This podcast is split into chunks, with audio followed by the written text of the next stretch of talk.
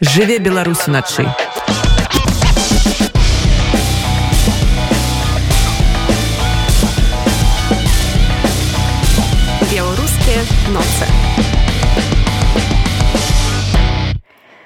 Вольга сямашкалі мікрафона Дамініка Борж за гукарэжысёрскім пультам. Вітаем мы наших слухачоў гэтым вечарам з вільні і варшавы.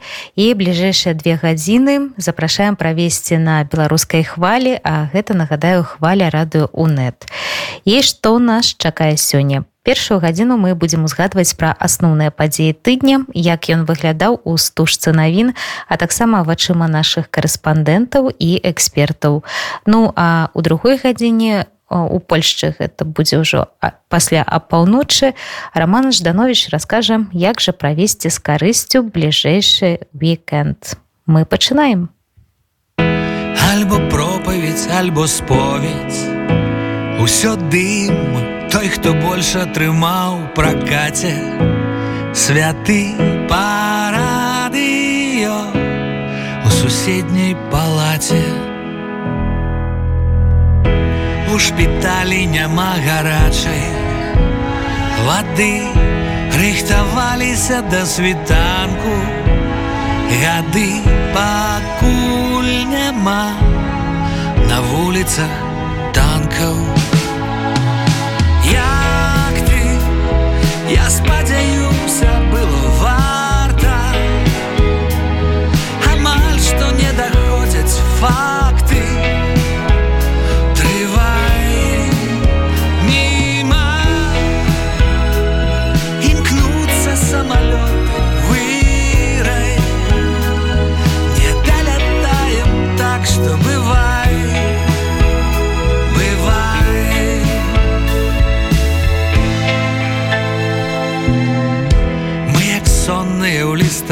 лістападзе сады раптам захварэла маці. Гады парадыё навіны ў палаце. Альбо пропаведь альбо споведь альбо нам пакіне пустыя бланкі. Жыццё і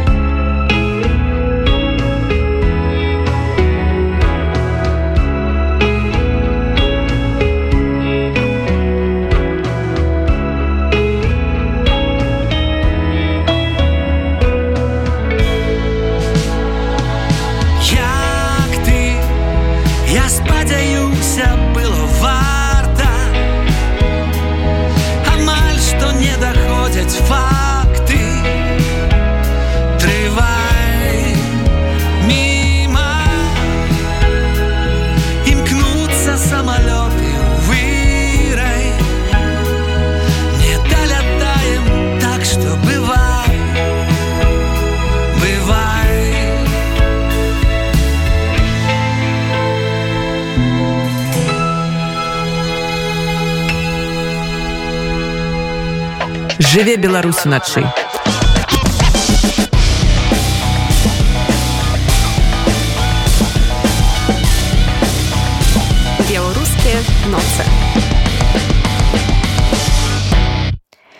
для тых хто толькі до нас далучыўся нагадаю что вы на беларускай хвалі. Гэта хваля радыонет гэтым вечарам разам з вами вядучая ольга сямашка таксама корэспандэнты рады унет і бліжэйшую гадзіну рассказываем пра асноўныя падзеі гэтага тыдня. Ну і галоўнай тэмой беларусі застаецца яўген прыгожан і прысутнасць прыватнай военной кампаніі вагнер зараз ніхто дакладна не можа сказаць ці ёсць яны ці не і ці ўвогуле будуць. Да таго ж факт факты часта супярэчыць афіцыйным заявам з мінска і Масквы. Так да прыкладу ад лукашэнкі прыгучала ў аўторак, што прыгожын знаходзіцца ў мінску.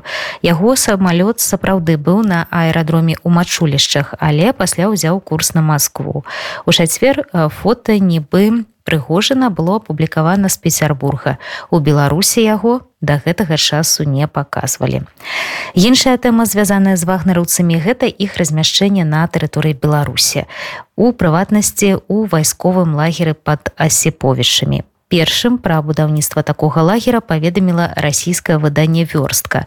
Але пасля пацвярджэння прыйшлі і самой беларусі і з космоса згодна з найноўшымі спадарожнікавымі здымкамі BBC варыфай мясцовасці ў раёне вёскі цель па дасеповішамі відаць што палявы лагер дзе як чакаецца размесціцца найміты вагнера ўжо дабудаваны там паставілі прыкладна 298 намётаў па разліках выдання ў такім лагеры могуць размясціцца каля 8 тысяч чалавек. Пры гэтым у свабоды свае падлікі іх эксперты лічаць, што сучасныя палаткі могуць змясціць мінімум па 50 чалавек. І выданне мяркуе, што лагер можа прыняць да 15 тысяч вагнараўцаў. Але ці ёсць самі вагнараўцы зараз у Беларусі, пакуль такой інфармацыі няма. Лукашенко, наколькі яму можна верыць, сёння расказаў, што яны яшчэ не даехалі. Хоць беларускія вайскоўцы і былі былі б рады іх тут бачыць у якасці інструктараў. Таксама Лукашенко запэўніў, што ніякай правакацыі з удзелам вагнераўцаў падчас саміту НАТО з боку Беларусі не будзе. Маўляў і гэта цытата. У мяне на тым накірунку некалькі тысяч чалавек, якія толькі чакаюць загаду, Так што ніякія вагнераўцы не патрэбны. Нават і без гэтай заявы лукашэнкі краіны суседкі беларусі напружыліся бо мець такіх галаварэзаў побач гэта не самая бяспечная рэч. Таму з варшавы і вільні прагушалі заклікі даната прыняць дадатковыя меры бяспекі. Пра іх мы пагаворым крыху пазней, а зараз дадзім слова экспертам у сітуацыі з нібыта закалотам прыгожана і яго паход паходам не Маскву. На Маскву нечакана на галоўную ролю вывелі лукашэнку. Ці сапраўды яго роля ва ўсёй гэтай сітуацыі была такой важнай і што азначае гэты не нібыта сыход прыгожана ў Беларусь. На гэтае пытанне ў размове адказвае палітычны аналітык проекта позірк Александр Класкоўскі. Хочу падкрэсліць, што канешне ўсіх дэталяў мы не ведаем, але пакрысе ўжо пазл э, складваецца і відавочна, што роля Лукашэнкі ў гэтым сюжэце Э, так яна ёсць яна прысутнічае гэта не фейк что ён нейкім чынам удзельнічаў у гэтых перамовах. Але разам з тым відавочна что прапаганда лукашэнкова занадта раздзімае ягоную ролю. Вось ён доўга марыў усё уплішчыцца ў міратворчасць по ўкраіне шкадаваў что там Турцыя перахапіла гэтыя перамовы ў свой час і гэтак далей. Зразумела яму вельмі няўтульна было ў ролі суагрэсара ён неяк хацеў выскочыць з гэта амплуа зноў гэту тогу міратворца прымерыць. І тут раптам парадаксальным чынам у нечаканай сітуацыі не паміж Москвой і Украінай а паміж самімі расійцамі якія-небыт на адным баку але схапіліся за чубы. Яшчэ болей прыгожан жа фактычна кінуў пальчатку Пуціну хоць ён наўпрост яго не абэсціў а толькі там шайгу іншых военачальнікаў і асоб на з камарыльгі Пуціна але ж натуральна што гэта была кінута пальчаткай самому Пуціну і той зарэагаваў рэзка сказаў што это нож у спіну і што трэба нейтралізаваць. Ну то бок разаобрацца по поўнай праграме з прыгожанымі ягонымі наймітамі. І тут раптам вось такі парадаксальны нечаканы феерычны паварот сюжэту вось цяпер высвятляецца что насамрэч канешне перамовы вяліся і з боку адміністрацыі з боку высокопастаўленых вайскоўцаў з прыгожаным ёсць такая версія что былы ахоўнік Пуціна дзюмін які цяпер ёсць губернатарам тульской вобласці актыўную роль згуляў. Карацей кажучы расійскія вось гэтыя людзі з атачэння Пуціна самі найперш прыкладалі высілкі Ну а лукашенко выглядае выглядае на тое что ён спатрэбіўся крамлю як такая тэхнічная фігура тому что прыгожану трэба было даць магчымасць неяк выйсці болей-меней з захаваннем твару з гэтай сітуацыі. Ну і Пуціну таксама. І таму вось такі фінт вушамі быў зроблены што маўляў крымінальная справа ў дачыненні да прыгожана закрываецца а сам ён э, сыходзіць у Беларусі як сказаў прэс-сакратар э, Пуціна э, пяскоў тут яшчэ асобнае пытанне што будзе азначаць гэты сыход у Беларусь з кім ён ці з усёй сваёй гэтай э, кампаніяй сярод якой шмат просто крымінальнікаў там і гэтак далей. Ну але гэта наўрад ці найхутчэй што калі ён з'яецца ў Беларусі то з нейкай там адносна невялікай світай. У кожным разе гэта ўжо асобны сюжэт зазначу толькі што гэта такі у двукосці падаруначак і для лукашэнкі для Беларусі што яшчэ можа быць шмат галаўнога болю. Ну але вось у гэтым сюжэце калі вяртацца да адказу на ваше пытанне Крэль просто скарыстаў лукашэнку даў яму канешне магчымасць пры гэтым прапіярыцца. Лукашенко такія магчымасці заўжды на 120соткаў выкарыстоўвае. Але канешне не ён стаў тут галоўнай фігурай якая вызначыла вось паварот гэтага сюжэту Ну а вось наколькі патрэбны самому лукашэнку і ўсей гэтай ягонай беларусі якую ён выбудаваў гэты прыгожан і ягоныя вагнераўцы хутчэй за ўсё нейкая там ахова ці нейкая каманда ў яго будзе калі ён все ж таки з'явіцца ў беларусі. Наколькі ён патрэбны гэтай уладзе беларускай? Ну канешне 25 тысяч вагнераўцаў наўрад ці тут з'явяцца іх і ўвогуле столькі не было на украінскім фронте як кажуць дасведчаныя людзі насамрэч там можа іх же пазабівала шмат бралі штурмаў кідалі іх як гарматное мясо там вакол бахмута калатнеча была страшная. Таму іх Мачыма 5-6 тысяч толькі было направду іншая рэч что ростов яны ўзялі наколькі можна зразумець без усялякага супраціву праз варонеж прайшлі як нож скрозь масла і Мачыма і до Москвы дайшлі. Гэта ўжо іншы бок медаля іншае пытанне. У ростове ж крычалі вагнер сіла там мясцовыя жыхары фотографаваліся віталі гэтак далей і гэта сведчыць пра тое што вось тыя настроі якія артыкуляваў прыгожин яны маюць шырокае распаўсюджанне ў расійскім грамадстве. А прыгожин под гарачую руку нагаварыў шмат праўды такой про тое что у атачэнні Пуціна адны бездарныя людзі хцівыя карумпаваныя что яны придумали штучныя прычыны каб распачаць гэту вайну з Украінай. Гэта ўжо еще праўда. І оказывается что многі многім у Росіі гэта імпануе. Вось тое что былы кухар Пуціна пачаў рэзаць праўду матку вочы. Гэта вялікае пытанне і гэта сітуацыя показывае няўстойлівасць хісткасць усёй гэтай сістэмы путинской это вялікі удар і псіхалагічны для яго. Увогуле можна сказать такі момант прыніжэння. Але факт тое что тактычна ўсё ж таки Крэль тут перамог адужаў. Прыгожана выціснуў яго у Беларусь і лукашенко Я думаю что яго поставілі ў пэўнай ступені перад фактам. І надта яму тут капыліць губу было не з руки тому что чтоб не казалі все адно ж лукашенко хоть ён у гэтай ситуации сітуацыі для кагосьці наіўнага можа і выглядае таким выратавальнікам Пуціна выратавальнікам Росіі насамрэч канешне ён у вельмі таким падпарадкаваным становішчы знаходзіцца у адносінах да крамля. Ну глядзіце па-першае лукашенко ён жа увогуле не стратег ён жыве сённяшнім днём Праўда віртуозна умее праслізваць паміж кропелькамі і выходзіць сухім з вады нават у самых таких для сябе адчайных нібыта сітуацыях што мы ўжо не аднойчы бачылі. Вось і тут. Ухапіў Бога за бараду так бы мовіць у піяраўскім плане ён апынуўся на грэбені хвалі і гэта для яго вельмі важно тому что усе ж цвердзілі навокал вось паглядзіце васал Пуціна марыянетка Пуціна А тут он так бы мовіць показаў не просто сваю палітычную суб'ектнасць а показаў что ён э, вялікі чалавек ён можа як руская кажуць решала такі разруляваў бачыце канфлікт уратаваў можна сказаць Россию от грамадзянской войны і пэўны час он у промнях гэтай славы будзе купацца.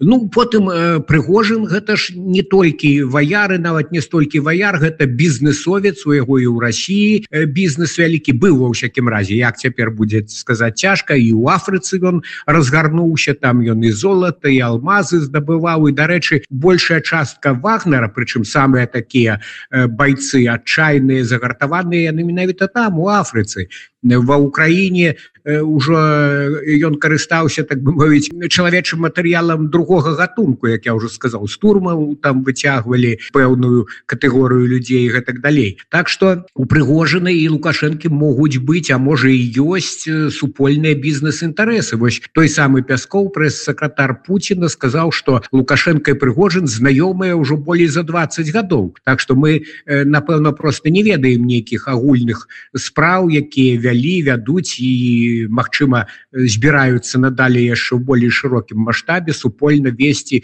лукашенко і прыгожин тому что мы ведаем і цікавасць беларускага рэжыму да Афрыкі і не толькі там трактары спехнуць у Зімбабве а таксама гэтым такі вельмі давераны чалавек лукашэнкі Віктор Шейман займаўся і напэўна яшчэ займаецца цяпер уже неафіцыйна але тым не меней афрыканскімі гэтымі справамі звязанымі з золатам са здабычай рэдказямельных элементаў і гэтак далей. Тое што не надта афішуецца але напэўна някепскія дывідэнды пэўным дзеячам. Так что вось можа лукашэнкі наконт гэта ёсць планы супольныя з прыгожаным але ведаеце гэта суб'ект небяспечны суб'ект непрадказальны амбіцыйны як паказаў вось гэты самы мяцеж ягонай таму тут вялікае пытанне ці знойдзе зім лукашенко агульную мову тому что і ў беларусі прыгожан можа разгарнуцца показаць свой нораў свае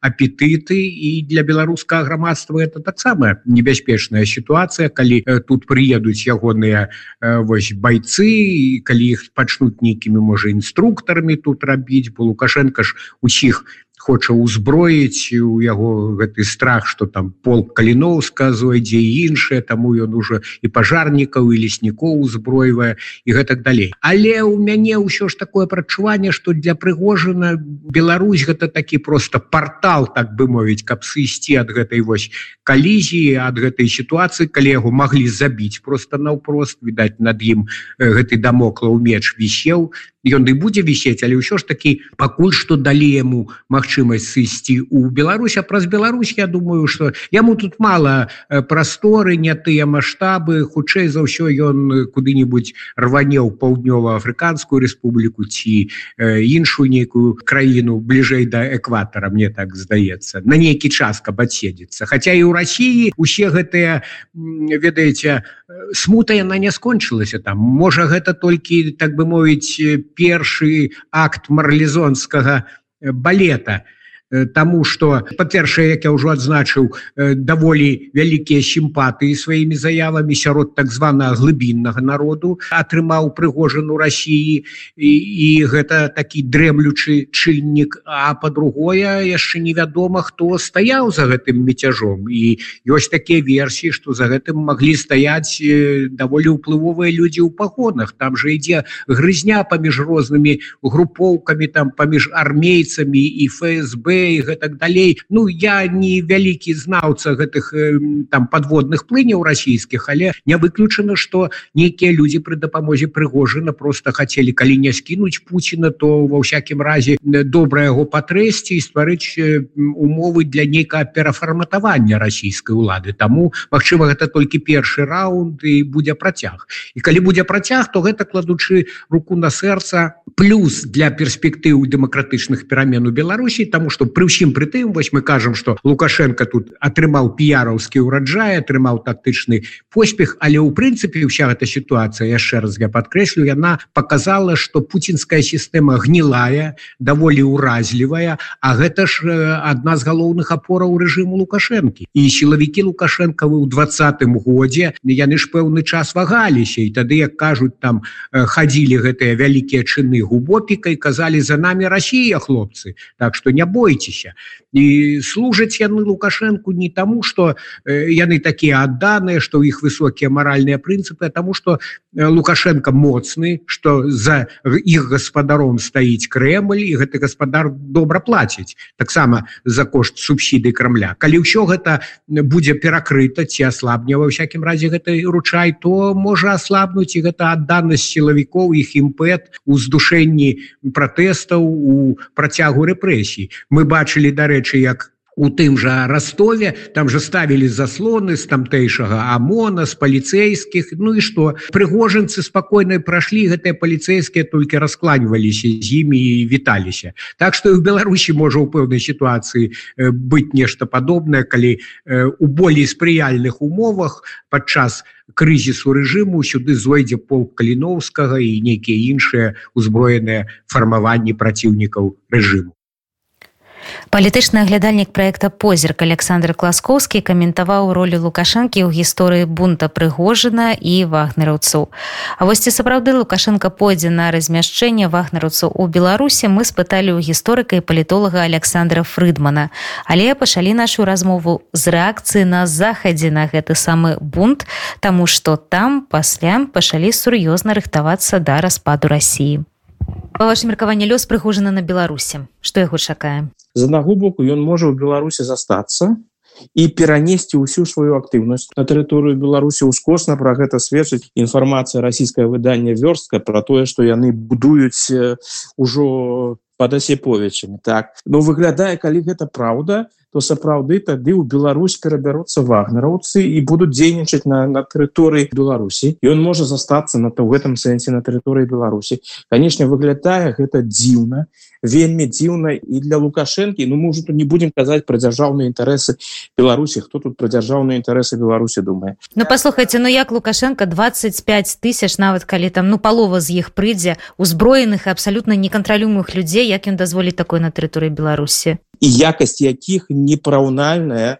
з, з беларускай арміяй для што для іх беларуская армія і ўвогуле калі яны не так так і вы маеце вы маеце рацыю гэта ты хто могуць падняць мяцеж у беларусі ўжо зрабіць усё ў беларус то бок уявіць што лукашенко можа на гэта пагадзіцца гэта выглядае ну абсалютна як, як нейкае дзікунства. Ну напужаць захад стварыць непрыемнасці для палякаў літоўцаў латвійцаў ну добра ну гэта можа зрабіць но добра я у іх там нато яны падрыхтаваны у іх все нормально і праз украінскую мяжу хутчэй таксама вагнераўцы не пайдуць бо іх там нічога добрага не чакае. Папужаць ты можаш але цябе ж з імі жыць ты будешь с гэтымі вагнераўцамі суіснаваць. І пагадзіцца на гэта было б нечым ну абсалютна не незразумелым. Ну у сённяшніх умовах і нават гэта выключаць нельга. На дадзены момант пакуль невядома што з вагнераўцамі я б нават сказаў что лукашенко галоўны бенефіцар ўсёй гэтай гісторыі які ён п'яр атрымаў. Але калі высветліцца что яны будуць на тэрыторыі беларусі то то тут пачынаюцца пытанні. З аднаго боку калі там усё будзе добра працаваць лояльна і гэтак далей лукашенко можа і в гэтым выпадку выйграць. Але ці можна давяраць прыгожану пасля таго што адбылося калі ён ужо адчуў што ён у стане шмат чаго рабіць Ну я я не ведаю. Акрамя таго гэта ж такі фактор негатыўны фактор для ўсяго расійскага беларусі сваімі атрадамі яны ж могуць подставіць под контроль усіх тых расійскіх вайскоўцаў які ўжо ёсць на Беларусі яны могуць захапіць гэтыя ядерныя аб'екты якія на тэрыторыі беларусі знаходзяцца. Гэта велізарны фактор рызыкі і для путина і для лукашэнкі калі іх сапраўды у Беларусь запрасіць.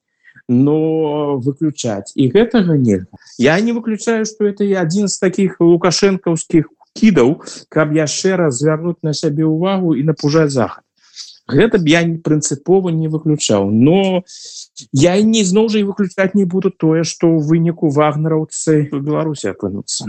Так что ўсё цалкам магчыма. Для лукашэнкі можа недрэнным варыянтам было б каб прыехаў прыгожан ну хай прыехаў бы там со сваёй аховай застаўся ў беларусі і прыгожана можна было б інтэграваць у розныя беларускія афрыканскія праекты выкарыстоўваць прыгожана там яго афрыканскія контакты для працы каб Беларусь выходзіла і лукашенко выходзіў. Не Беларусь выходзіла лукашенко выходзіў і зарабляў на гэтым грошы. Если для сябе там новыя магчымасці знаходзіў. Ну у гэтым сэнсе гэта мела пэўную логіку. А у астатніх тут бачыцца больш рызыкі чым нейкага профіту А навошта ўвогуле лукашенко увязаўся ва унутраныя справы рассіі пра гэта роман жданович спытаў у палітолага і спецыяліста па нацыянальнай бяспецы александра казака. Чаго нам варта чакаць ад гэтага не самага чаканага доўгачаканага прыезду і наколькі небяспечна для беларусі з'яўлення такой асобы ў нашай краіне. Ну я даволі так э, негатыўна і скептычна да гэтага стаўлюся таму калі коротко казаць я браю рыхтавацца да самага горшага. Что такое самое горшае? Самое горшае гэта як мінімум прысутнасць таких людзей на тэрыторыі беларусі некаторыя кажуць про тое что іх будзе прыкладна 8 тысяч некаторыя кажуць про тое что ўжо у асіповічах будуюць там нейкі лагер іх базу. Побачым что з гэтага выйдзе але сама наяўнасць такога персонажа на тэрыторыі і что гэты персонаж мае контакт э, з лукашэнкам гэта ўжо такі даволі э, страшны э, такі званочак для амаль што для ўсіх. Але на самой справе можа до нас прыехаць каля 8 тысяч вагнераўцаў Ну некаторыя про гэта кажуць. У нас няма дакладных звестак про гэта колькі іх будзе. Э, калі мы паглядзім вось гэтую апошнюю заяву Пуціна ён казаў про тое что некаторыя могуць сысці до сваіх сем'яў некаторыя могуць подпісаць контракт а некаторыя могуць сысці Ну ён э, не так сказаў але у Беларусь але вот дзіну что за напрамкі у Беларусь? А чаму до нас? Э, ссылка не ведаю але э, вельмі выглядае на тое что лукашенко у той ці іншай меры зацікаўлены у прысутнасці вагнераўцаў. Э, Мачыма гэта вынікае з таго что рэжым вельмі моцна э, баится того что э, не буду казаць конкретно про полк каліновскага але пэўныя вайсковыя адзінкі дрг групы напрыклад могуць уваходзіць на тэрыторыю беларусі праводзіць э, падобныя ну назовем гэта івенты як гэта было ў белгарадзе Ну навошта яны нам патрэбны гэта ж небяспечна. Любы чалавек разумее наколькі небяспечна э, трымаць на сваёй тэрыторыі ну скажем так таких прадстаўнікоў расійскай нацыі Ну у нас уже было вельмі шмат таких прыкладаў калі можна было э, разобрацца з пытанням даволі так разумна одно з э, таких аграменных фундаментальных пытанняў чаму напрыклад лукашенко не намаляваў сабе э, на выборах там 63сотки намаляваў 80 пару. Гэта адпаведна б зменшыла адразу ж накал э, і ўсё было бы інакш таких варыянтаў у нас э, прыкладаў таких сітуацый вельмі шмат. Тут э, хутчэй за ўсё не не не глядя глядзяць на э, далёкую перспектыву на далёкія хвалі недалёкія варыянты глядзяць на тое что патрэбна зараз тут э, у бліжэйшую хвіліну. І вось гэтыя вагнераўцы гэта адна з тэорый я не кажу что дакладна так будзе гэта трэба разумець бо варыянту вельмі шмат. І прыклад э, расійскага уварвання паўнамасштабнай войны показаў тое что варыянты абсалютна дзіўныя незразумелыя і нелагічныя як нам падаецца якраз найбольш больш маюць месца быць. Калі Путін пачаў тэлефанаваць сім сваімі сябрам знаёмым палітыкам ратуйце дапамагайце і ўсе ему що сказалі твоя унутраная праблема і толькі лукашенко вырашыў что вось яна магчымасць себе праявіць вось навошта лукашенко реально полез ва ўнутраныя справы рассея Ну магчыма каб паказаць что э, голубі так або інакш навучыліся адрошчваць вусы. Э, або э, гэта зноў жа той э, кантэкст э, что ён сапраўды баіцца вось гэты вайсковы актыў беларускі па-за межамі краіны.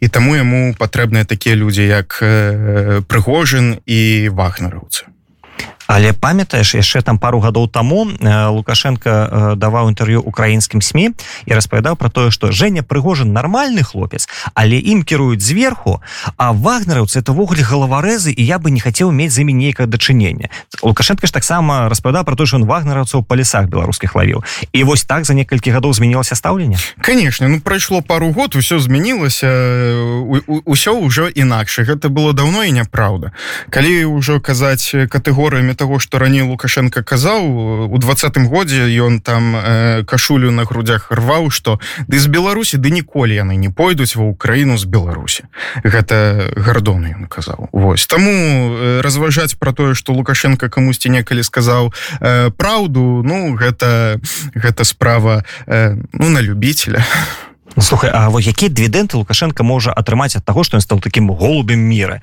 які вырашыў унутраны расійскі крызіс ну, усім казаць навокал что мы не героі але мы дапамаглі гэта разруліць як як яны размаўлялі про тое что крах Росіі гэта будзе крах для ўсяго для ўсёй постсавецкай прасторы. Самых даверыць шыраціня Магчыма ему сказалі Мачыма ён сам выдумаў. Тут ну вельмі цяжка бо, бо гэта суцэльная огромная палата нумар 6 і дарэчы сёння ж таксама лукашенко там нагаварыў на шмат месяцаў наперад.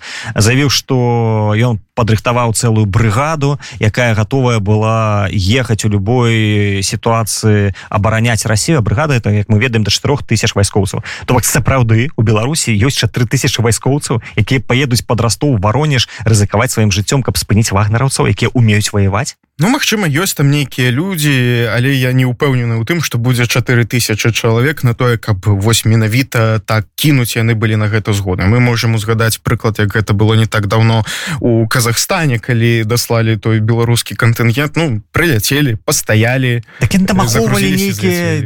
нават павінны былі ахоўваць нейкія кропкі ж такая была задача. Яны ж не павінны былі ваяваць а туды адпраўлялі ваяваць незалежнасць Росіі адстаиваць ну добра ну Ну але як мы бачым что пригожин сабрался сабрался разобрался. Ну і ўсё але хто ж ведаў не было зразумела ці вогуле твой думку что гэта адбылося у суботу? У тебя было разуменне гэта нейкі сцэнар разыгралі ці это вот сапраўды прыгожин вырашыў вось мой э, момант зорны пойду атакую москву і сяду крамлі у мяне была надзея назовем гэта так. Э, акрамя того у мне быў страх Э, за тое что люди пачалі впадаць у наратыў э, враг моего врага мой друг гэта вельмі страшно ты кажаш про ліберальную частку расійскага грамадства і про беларусаў. Я кажу про ўсіх бо вельмі шмат людзей казалі нават я прыватно чуў что э, можна нават прыгожину заданаціць за тое каб ён там дадушыў э, Россию Ну гэта даволі такія страшныя э, выказванні але гэта гэты кейс гэта якраз таки пацверджанне того что э, вораг майго ворага ну не заўсёды можа быть маім сябрам. Мы можем с попкорном глядзець на на гэтую ситуацию сітуацыю літаральна так для мяне калі конкретно гэты кейс выходныя показалі э, две асноўныя рэчы. Э, першая рэч гэта тое что мы убачылі сапраўдную э, падтрымку Пуціна э, у гэтых рэгіёнах. Рызыкаваць ніхто не хацеў а вагнерасу сустракалі з кветкамі. Э, так э, а другое что мы побачылі зноў жа працягваючы гэтую лінію падтрымки люди настолькі не падтрымліваюць Пуціна что яны хочуць нашмат больш крыві з палітолагам спецыялістам па нацыянальнай бяспецы александром казаком. Абмяркоўвалі мы сітуацыю вакол вагнера ну а зараз да міжнароднай рэакцыі на ўсё тое што адбылося суседзі беларусі працягваюць ад яе адгарожвацца на фоне інфармацыі што лукашенко гатовы прыняць прыгожана і байцоў вагнера так літва заявіла што будзе больш пільна правяраць грамадзян беларусі і рассіі у тым ліку тых якія едуць праз тэрыторыю літву транзітам піша дэлфі міністр замежных справ літвы габрэлі слансбергі сёння ўжо заявіў што падстаў для поўнага закрыцця мяжы з беларусю пакуль няма. Паводле яго слоў такія дзеянні будуць разглядацца толькі ў выпадку ўзнікнення крызісу а гэта азначае прамой пагрозы нацыянальнай бяспецы. Пасля перамяшчэння наймітаў вагнера у Беларусь улады Польшчы вырашылі умацаваць свае межы. Паводле ацэнак урада Польшчы ў Беларусь могуць прыбыць каля 8 тысяч байцоў вагнера а гэта можа азначаць вызначаць новую фазу гібриднай войны у нас патэнцыяльна можа ўзнікнуць новая сітуацыя ў беларусі з прысутнасцю вагнера заявіў віцэ-прэм'ера ярослав качынскі на прэс-канферэнцыі ў варшаве ў сераду. Сітуацыя небяспечная для украіны а таксама патэнцыяльна небяспечная для літвы і для нас адзначыў польскі віцэ-прэм'ер. Па яго словах польшча плануе павялічыць вайсковую прысутнасць на мяжы з беларусю а таксама узвесці там новае абарончае збудаванне Прэзідэнт Украіны Владзімир Зяленскі заклікаў войска умацаваць паўночны накірунак пасля размяшчэння вагнера ў Беларусі. Такое рашэнне было прынята на пасяджэнні стаўкі вярхоўнага галоўна камандуючага. На ім кіраўнікі войска, а таксама супрацоўнікі выведкі прадставілі прэзідэнту асобны даклад па сітуацыі ў Беларусі. І Зяленскі ў сваім вячэрнім звароце заявіў, што рашэннем стаўкі галоўнаму залужнаму і камандуючаму поўначы наеву дарушана выканаць комплекс мер па ўзмацненні гэтага накірунка. Тым часам спікеры парламентаў Латвіі, літвы і Эстоніі заявілі, што нядаўні бунт вагнера гэта яшчэ адно пацвярджэнне непрадказальнасці сітуацыі ў рассіі. Па іх словах з'яўленне ў Беларусі баевікоў прыватнай вайсковай кампаніі можа зрабіць сітуацыю з бяспекай на ўсходніх межаў НАТО і ЕС яшчэ больш нестабільнай. Хоць нядаўні марш правасуддзя на Маскву з боку боку наёмнай групы прыгожана з'яўляецца унутранай справай рассіі але гэта яшчэ адна прыкмета непрадказальнасці сітуацыі ў расійскай федэрацыі гаворыцца ў іх заяве. У сувязі з гэтым спікеры настойваюць на неабходнасці умацоўваць калектыўную абарону сілы стрымлівання і бяспеку на межах усходняга крыла ната і чакаюць што на саміце ната ў вільні будуць прадастаўлены канкрэтныя меры для дасягнення гэтай мэты. Мы зноў паўтараем што асуджаем рэжым лукашэнкі ў беларусі які падтрымлівае вайну рассіі супраць украіны прадастаўленне прыстанішча тэрарыстычнай групоўцы вагнера з боку беларусі гэта рэч непрымальная і мы патрабуем далейшага ўзмацнення санкцый супраць беларусі адзначылі спікеры. А зараз мы сыходзім на невялікую музычную паўзу а пасля ўжо працягнем абмяркоўваць іншыя падзеі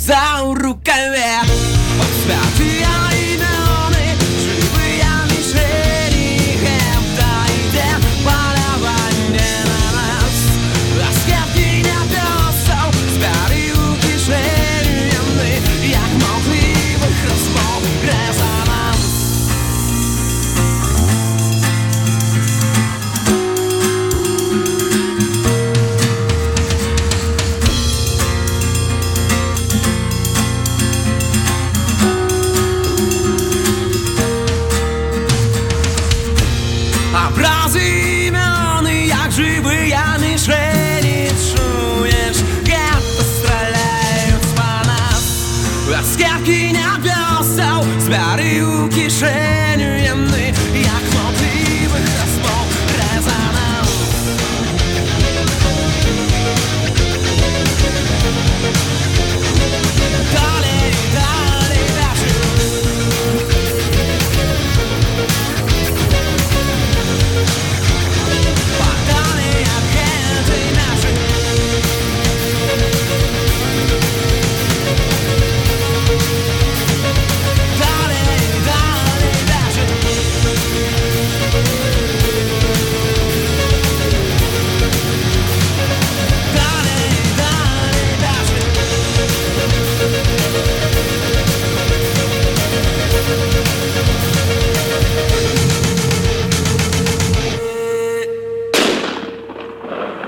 уначы беларускія ноцы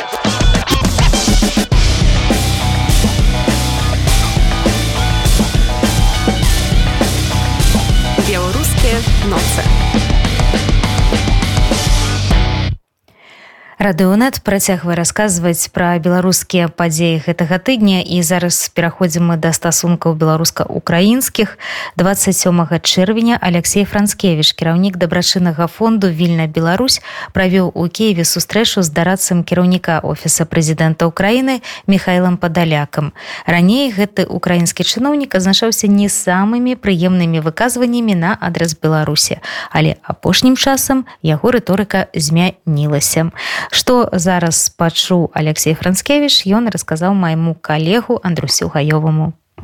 Алексей я ведаю что днямі вы правялі сустрэчу у офісе прэзідэнта украины у тым ліку сустракаліся з дарадцам кіраўніка офісу прэзідэнта михайлам падаляком ці можете вы распавесці у чым была асноўная мэта гэтай сустрэчы? І што вы падчас яе абмяркоўвалі? Это это сустрэцца пазнаёміцца распавесці пра сваю працу пра свои планы обсудзіць сумесныя нейкія возможныя мерапрыемства да. Ну і самое галоўнае гэта расказаць о праблематике беларусаў і пра беларусаў якія тут в Украіне робіць усё каб приблизіць нашу агульную перамогу.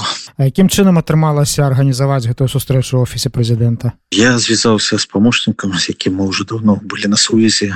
Сказал что в гэтые дни я буду находиться у Киеве. Спытаў ці магчыма сустрэцца. Мне сказали так не пытанне можем сустрэцца дамовіліся аб часе і сустрэліся. Ну вось я так разумею что у сустрэчы прымаў удзел у тым ліку і дарацца офісу прэзідэнта адзін з таких самых вядомых Михайла падаляк. Раней Михайла падаляка здзіўляў нават беларусаў часам сваімі паведамленнямі у фейсбуку у твиттары такімі якія выдавалі ну не вельмі добрае разуменне сітуацыі беларускай. Наколькі зараз вось як вам падалося ён разумее беларускую сітуацыю размаўляючы з вами шчыра кажучы я сам быў здзіўлен паразмаўляўшы з ім тым что ён вельмі добра арыентуецца у беларускай сітуацыі то есть чалавек які трезва ўсё бачыць і все гэты заявлення на маю думку гэта было дзесьці вырвана з кантэксце трошку было транслявана не тое что малася на увазе. Мы абмеркавалі візіт латушки яго сустрэчу і кавалеўскага. То есть ён задаволены сольнай сустрэчай с латушкой тымі паперамі тымі доказамі военных злачынстваў якія былі переданы. Падаляк их передаў у прокуратуру і прокуратуры уже іх разбіраюць таксама пазітыўна ён і ставится до да візіту с кавалерска что хотелось бы таксама отметить что сегодня еще канчаткового решения по беларуси в офисе президента украины нема. То есть яно зараз в процессе абмяркоўвання но ну, але канчаткового наскольки я разумеў еще его няма потрошку апошнее заявление тихохановской знаходят поразумение в офисе то есть яны становятся зразумелыми то есть становится зразумелая позиция офиса Светланы тихохановской адносна российской империи российского агрессора таксама я быў здзіўлены пазіцыі падалека стасоўна яго ставення да беларусаў да? То есть ён з паніманнем относіцца і к усім тым беларусам якія вымушаны былі з'ехаць з Украіны. Тым беларусам якія сёння знаходзяцца ў Еўропе і іх палажэнне в яком палажэнне нас. То есть ён относіцца з паніманнем разумеет іх і называюць вещи сваімі імінамі ён разумець усе гэтыя абмежаваныя магчымасці беларусаў беларусаў да і чаму яны вымушаны былі з'ехаць з Украіны. Ён добра разумее что не ўсе про вайну разумее что такое вайна і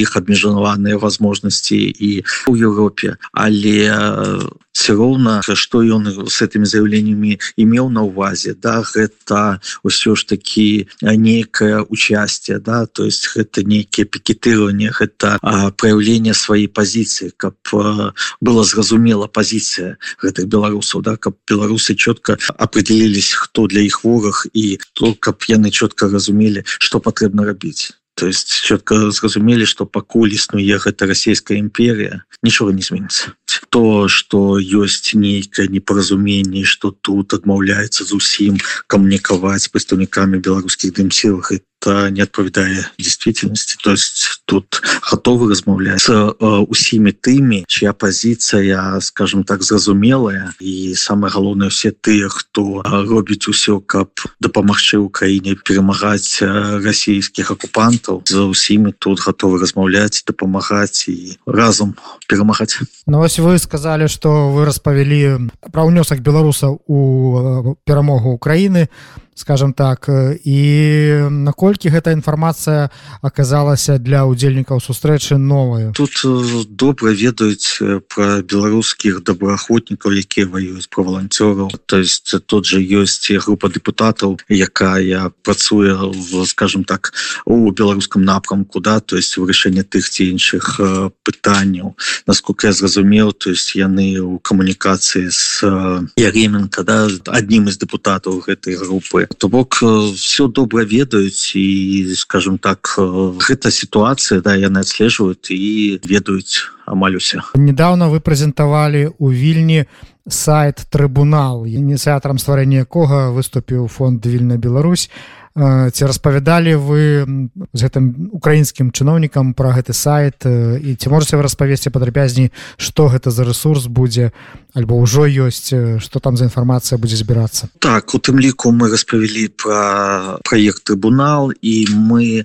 принеслі з сабой передалі падаліку некалькі кейсаў каб яны разумелі что гэта будет гэтыя кейсы гэта юрыдычны аналіз злачынстваў якія совершили беларускія чыноўнікі якія прыймалі удзел у военных злачынствах у тым ліку і лукашенко то есть мы гэты юрыдычны аналіз передалі каб ознакомились паглядзелі і разумелі скажем чым сэнс гэтага портала і чым будем займацца А ці можете вы зараз нашим слухачам распавесці вось структуру портала асноўныя напрамкі дзейнасці асноўная інфармацыя якая там ёсць якая яшчэ мусіць з'явіцца? Галоўнае у чым скажем так адрозненне гэтага сайта ад усіх тых якія ёсць былі а ў тым что команда юрыстаў якую мы сабралі яны будуць даваць юрыдычна знаку гэтым злачынствам все тыя хто предоставіў тэрыторыю Беларусь з якой быў осуществлен полномасштабны наступ на Украіну все гэтыя бомбардыроўкі якія неслі за сабой смерти мирных грамадзян Украіны гэта незаконны вываз украінскіх дзяцей і так далей то бок будзе даваць усім гэтым дзенем а юрыдычна знака на аснове действующего беларускага законодаўства а также міжнародного права. Таксама на гэтым сайте будут подраздел гэта русский мир это коллаборанты і соучастнікі гэтых злачынстваў таксама гэты сайт ён понадобится и будет актуальны для построения вольной незалежной Беларуси, для проведения иллюстрации у Беларуси, как все гэтые коллаборанты и соудельники не могли у свободной незалежной Беларуси займать посады, заниматься некими политическими процессами. Вот э, для этого и создается этот ресурс. А все те лица, какие будет, скажем так, доказан э, их э, состав злочинства, то есть эти материалы будут, соответственно, использоваться использоваться для судебных э, процессов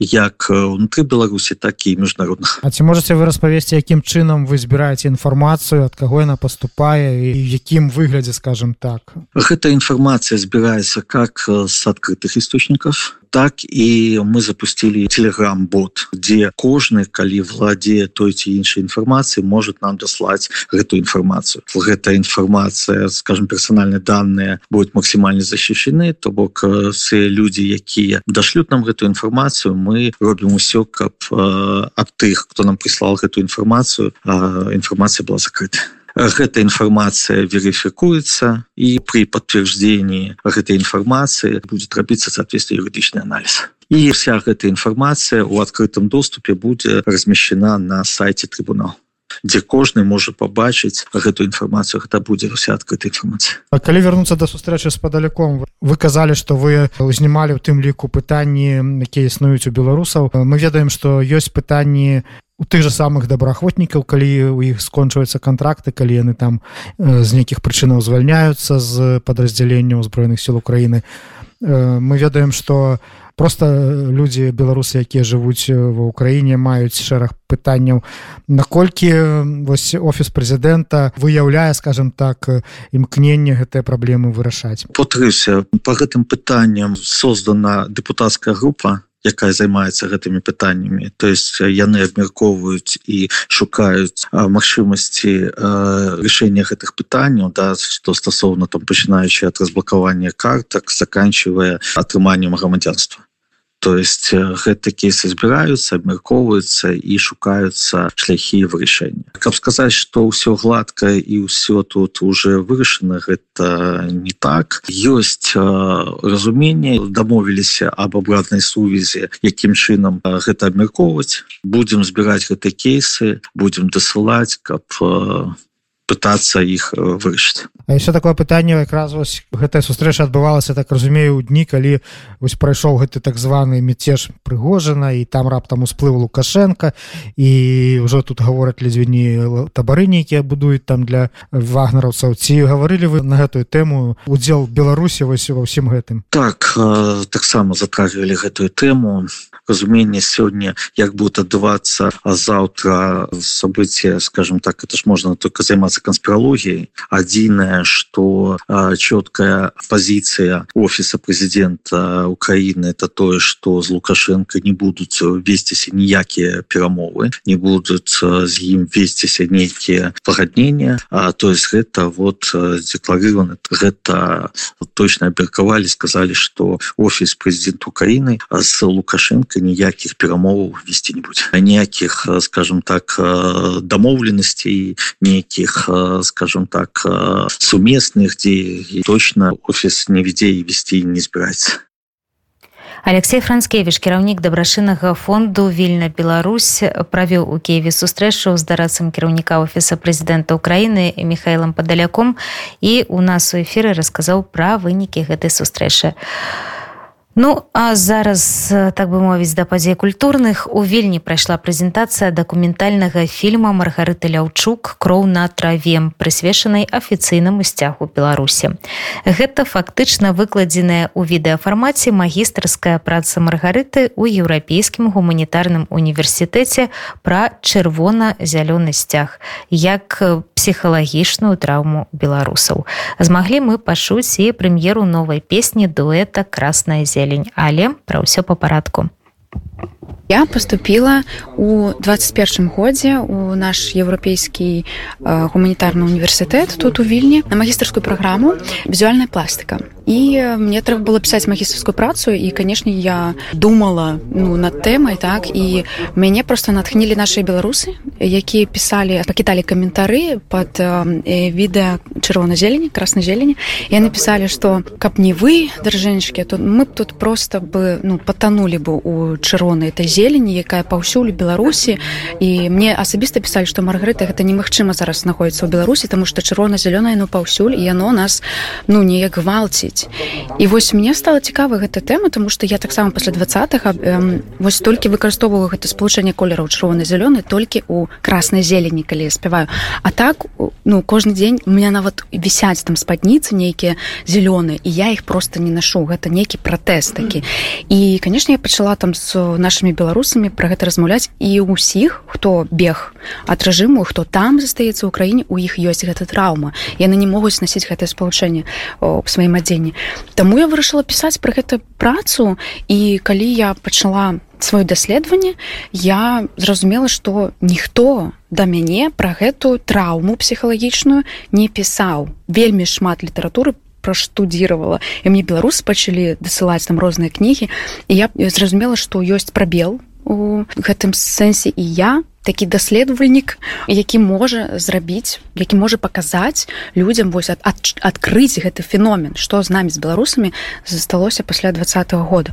Восьось і по гэтаму просто гэта быў адзін з інструментаў то бок у мяне візуальная пластыка і неяк візуальна гэта трэба было пацвердзіць. І я вырашыла вось здымаць дакументальны фільм мне трэба было каб усе людзі паслухалі іншых людзей. То бок напрыклад з пункту гледжання там геральдыста что азначаюць гэта чырвона-зялёна спалучэнне так? Дызайнераў там паклікаць паліць зняволеных быўшых так?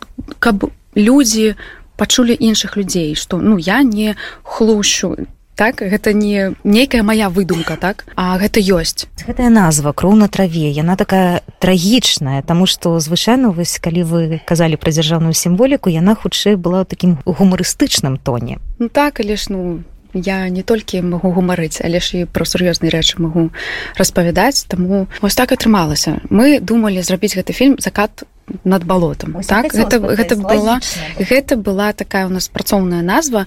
Але ж потым калі вось мы пачулі што вось адна з палізняволенай сказала што яе сын кажа што гэта кров на траве вось у гэтай фразе просто ўвесь драматызм і закат над балотам вось ведаеце можа замежнікі і не зразумеюць што гэта такое то толькі беларусы зразумеюць А калі кажаш кров на траве гэта кажа што гэта не ну спалучэнне чырвонага зялёнага не такі а ну зразумела вось і падзеі два год то бок у гэтай фразе увесь драматызм. І дзякую вялікі владимиру цеслеру гэта ён зрабіў вось гэтую афішу кров на траве і як калі побачыла ну нават канешне ну, адразу бачна што ну драматызм просто вось у гэтых колерах такі што аж дрыжыкі бягуць. А далей навуковую дзейнасць будзеце працягваць? Магістра атрымалі? Ну пейдзі насамрэч мне вельмі шыкоўная магістрская праца атрымалася тому что беларусы мне дапамагалі з інфармацыяй дасылалі мне літаратуру там фот фотаздымкі просто нейкія свае пачуцці. На гэты конт я размаўляла шмат у мне столькі аўдыозапісы ў тэлефоне тому что я заўсёды калі з кімсьці размаўляла на гэтую тэму я ўключала дыктафон тому что цікавыя рэчы. Ну я не могла то все запомніць. І беларусы казалі мне вельмі шмат цікавых рэчаў і я гэта потым брала ў сваю магістарскую працу. Ну я ўсім просто дзякую за гэта. Але ж гэта настолькі складана пісаць навуковай працы тому что мне ніхто не вучыў гэта рабіць. Я оперная спявачка мы ніколі не пісалі ніякіх прац нейкіх асабліва магістарскіх вось таму яна такая складаная атрымалася вельмі такая таўсценная яшчэ там з, з фотаздымкамі всімі. І мне все кажуць что гэта нейкая доктарская праца.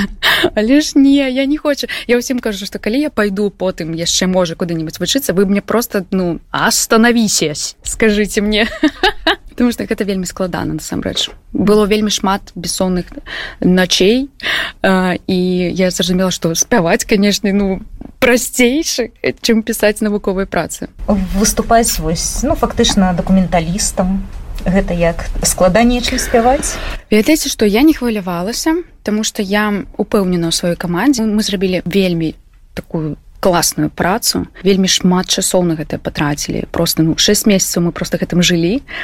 Вось і я ўпэўнена ў сваёй працы я сидела просто у меня сэрца калацілася калі быў сам фільм на пачатку але ж потом я уже расслабілася і все было добра і мне так прыемна было пачуць ад усіх что мы думали что будзе горш атрымалася не горш.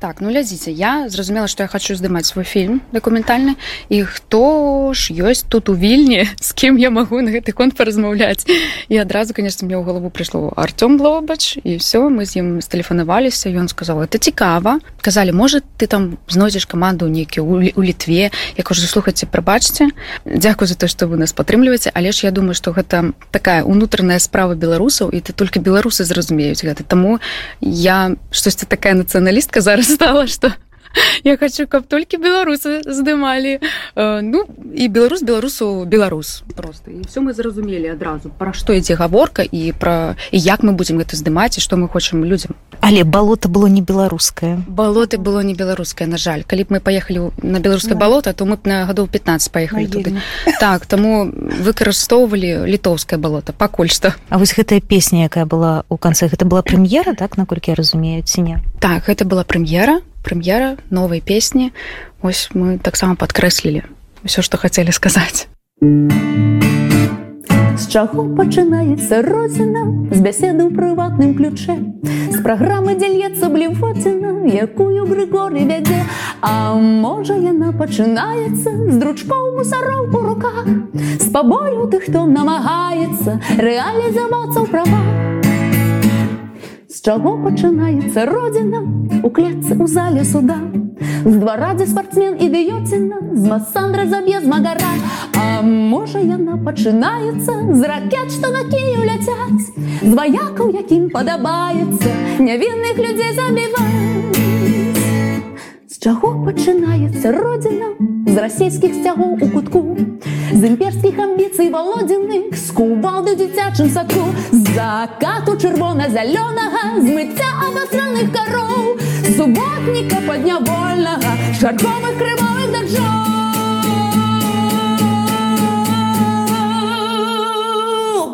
Ну что, подобается вам такая родзіма? З чаго каб пачыналася Радзіма у нас і наш лёс. З любога, хто з хунтай змагаецца, пускае цягнік пад адкос з таго, хто жыццём рызыкуючы бароніць сваю Беларусь. З тых словаў, якія гаруючы ў няволі данёс нам касту.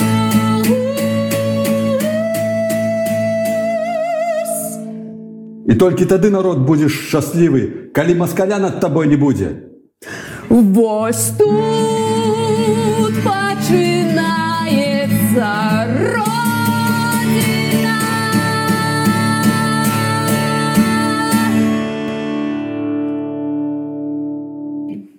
Маргарита, асабіста такое пытанне вы ўжо вылічылі свой голас спяваеце Дякую вялікі за што хвалюцеся слухайце ну я зараз яшчэ п'ю таблеткі там яшчэ не ўсё добра то бок гэты паліпы мае на галасавых звязках нікуды не сышлі і мы будем будем посмотреть. Моя доктарка сказала калі праз месяца три-два нічога не будзе мяняцца то она сказала что ну трэба будзе рабіць аперацыю але ж мы пакуль про гэта не думаем. Мы настраиваемся на пазітыў і што все будзе добра вось пакуль што так Так выглядаў гэты тыдзень вашыма вядушых і корэспандэнтаў рады унет знайсці усе размовы сённяшняй праграмы можна на нашым сайце www.радыунет.фм пра беларускія падзеі расказвала вядушая ольга сямашка жыве беларус уначы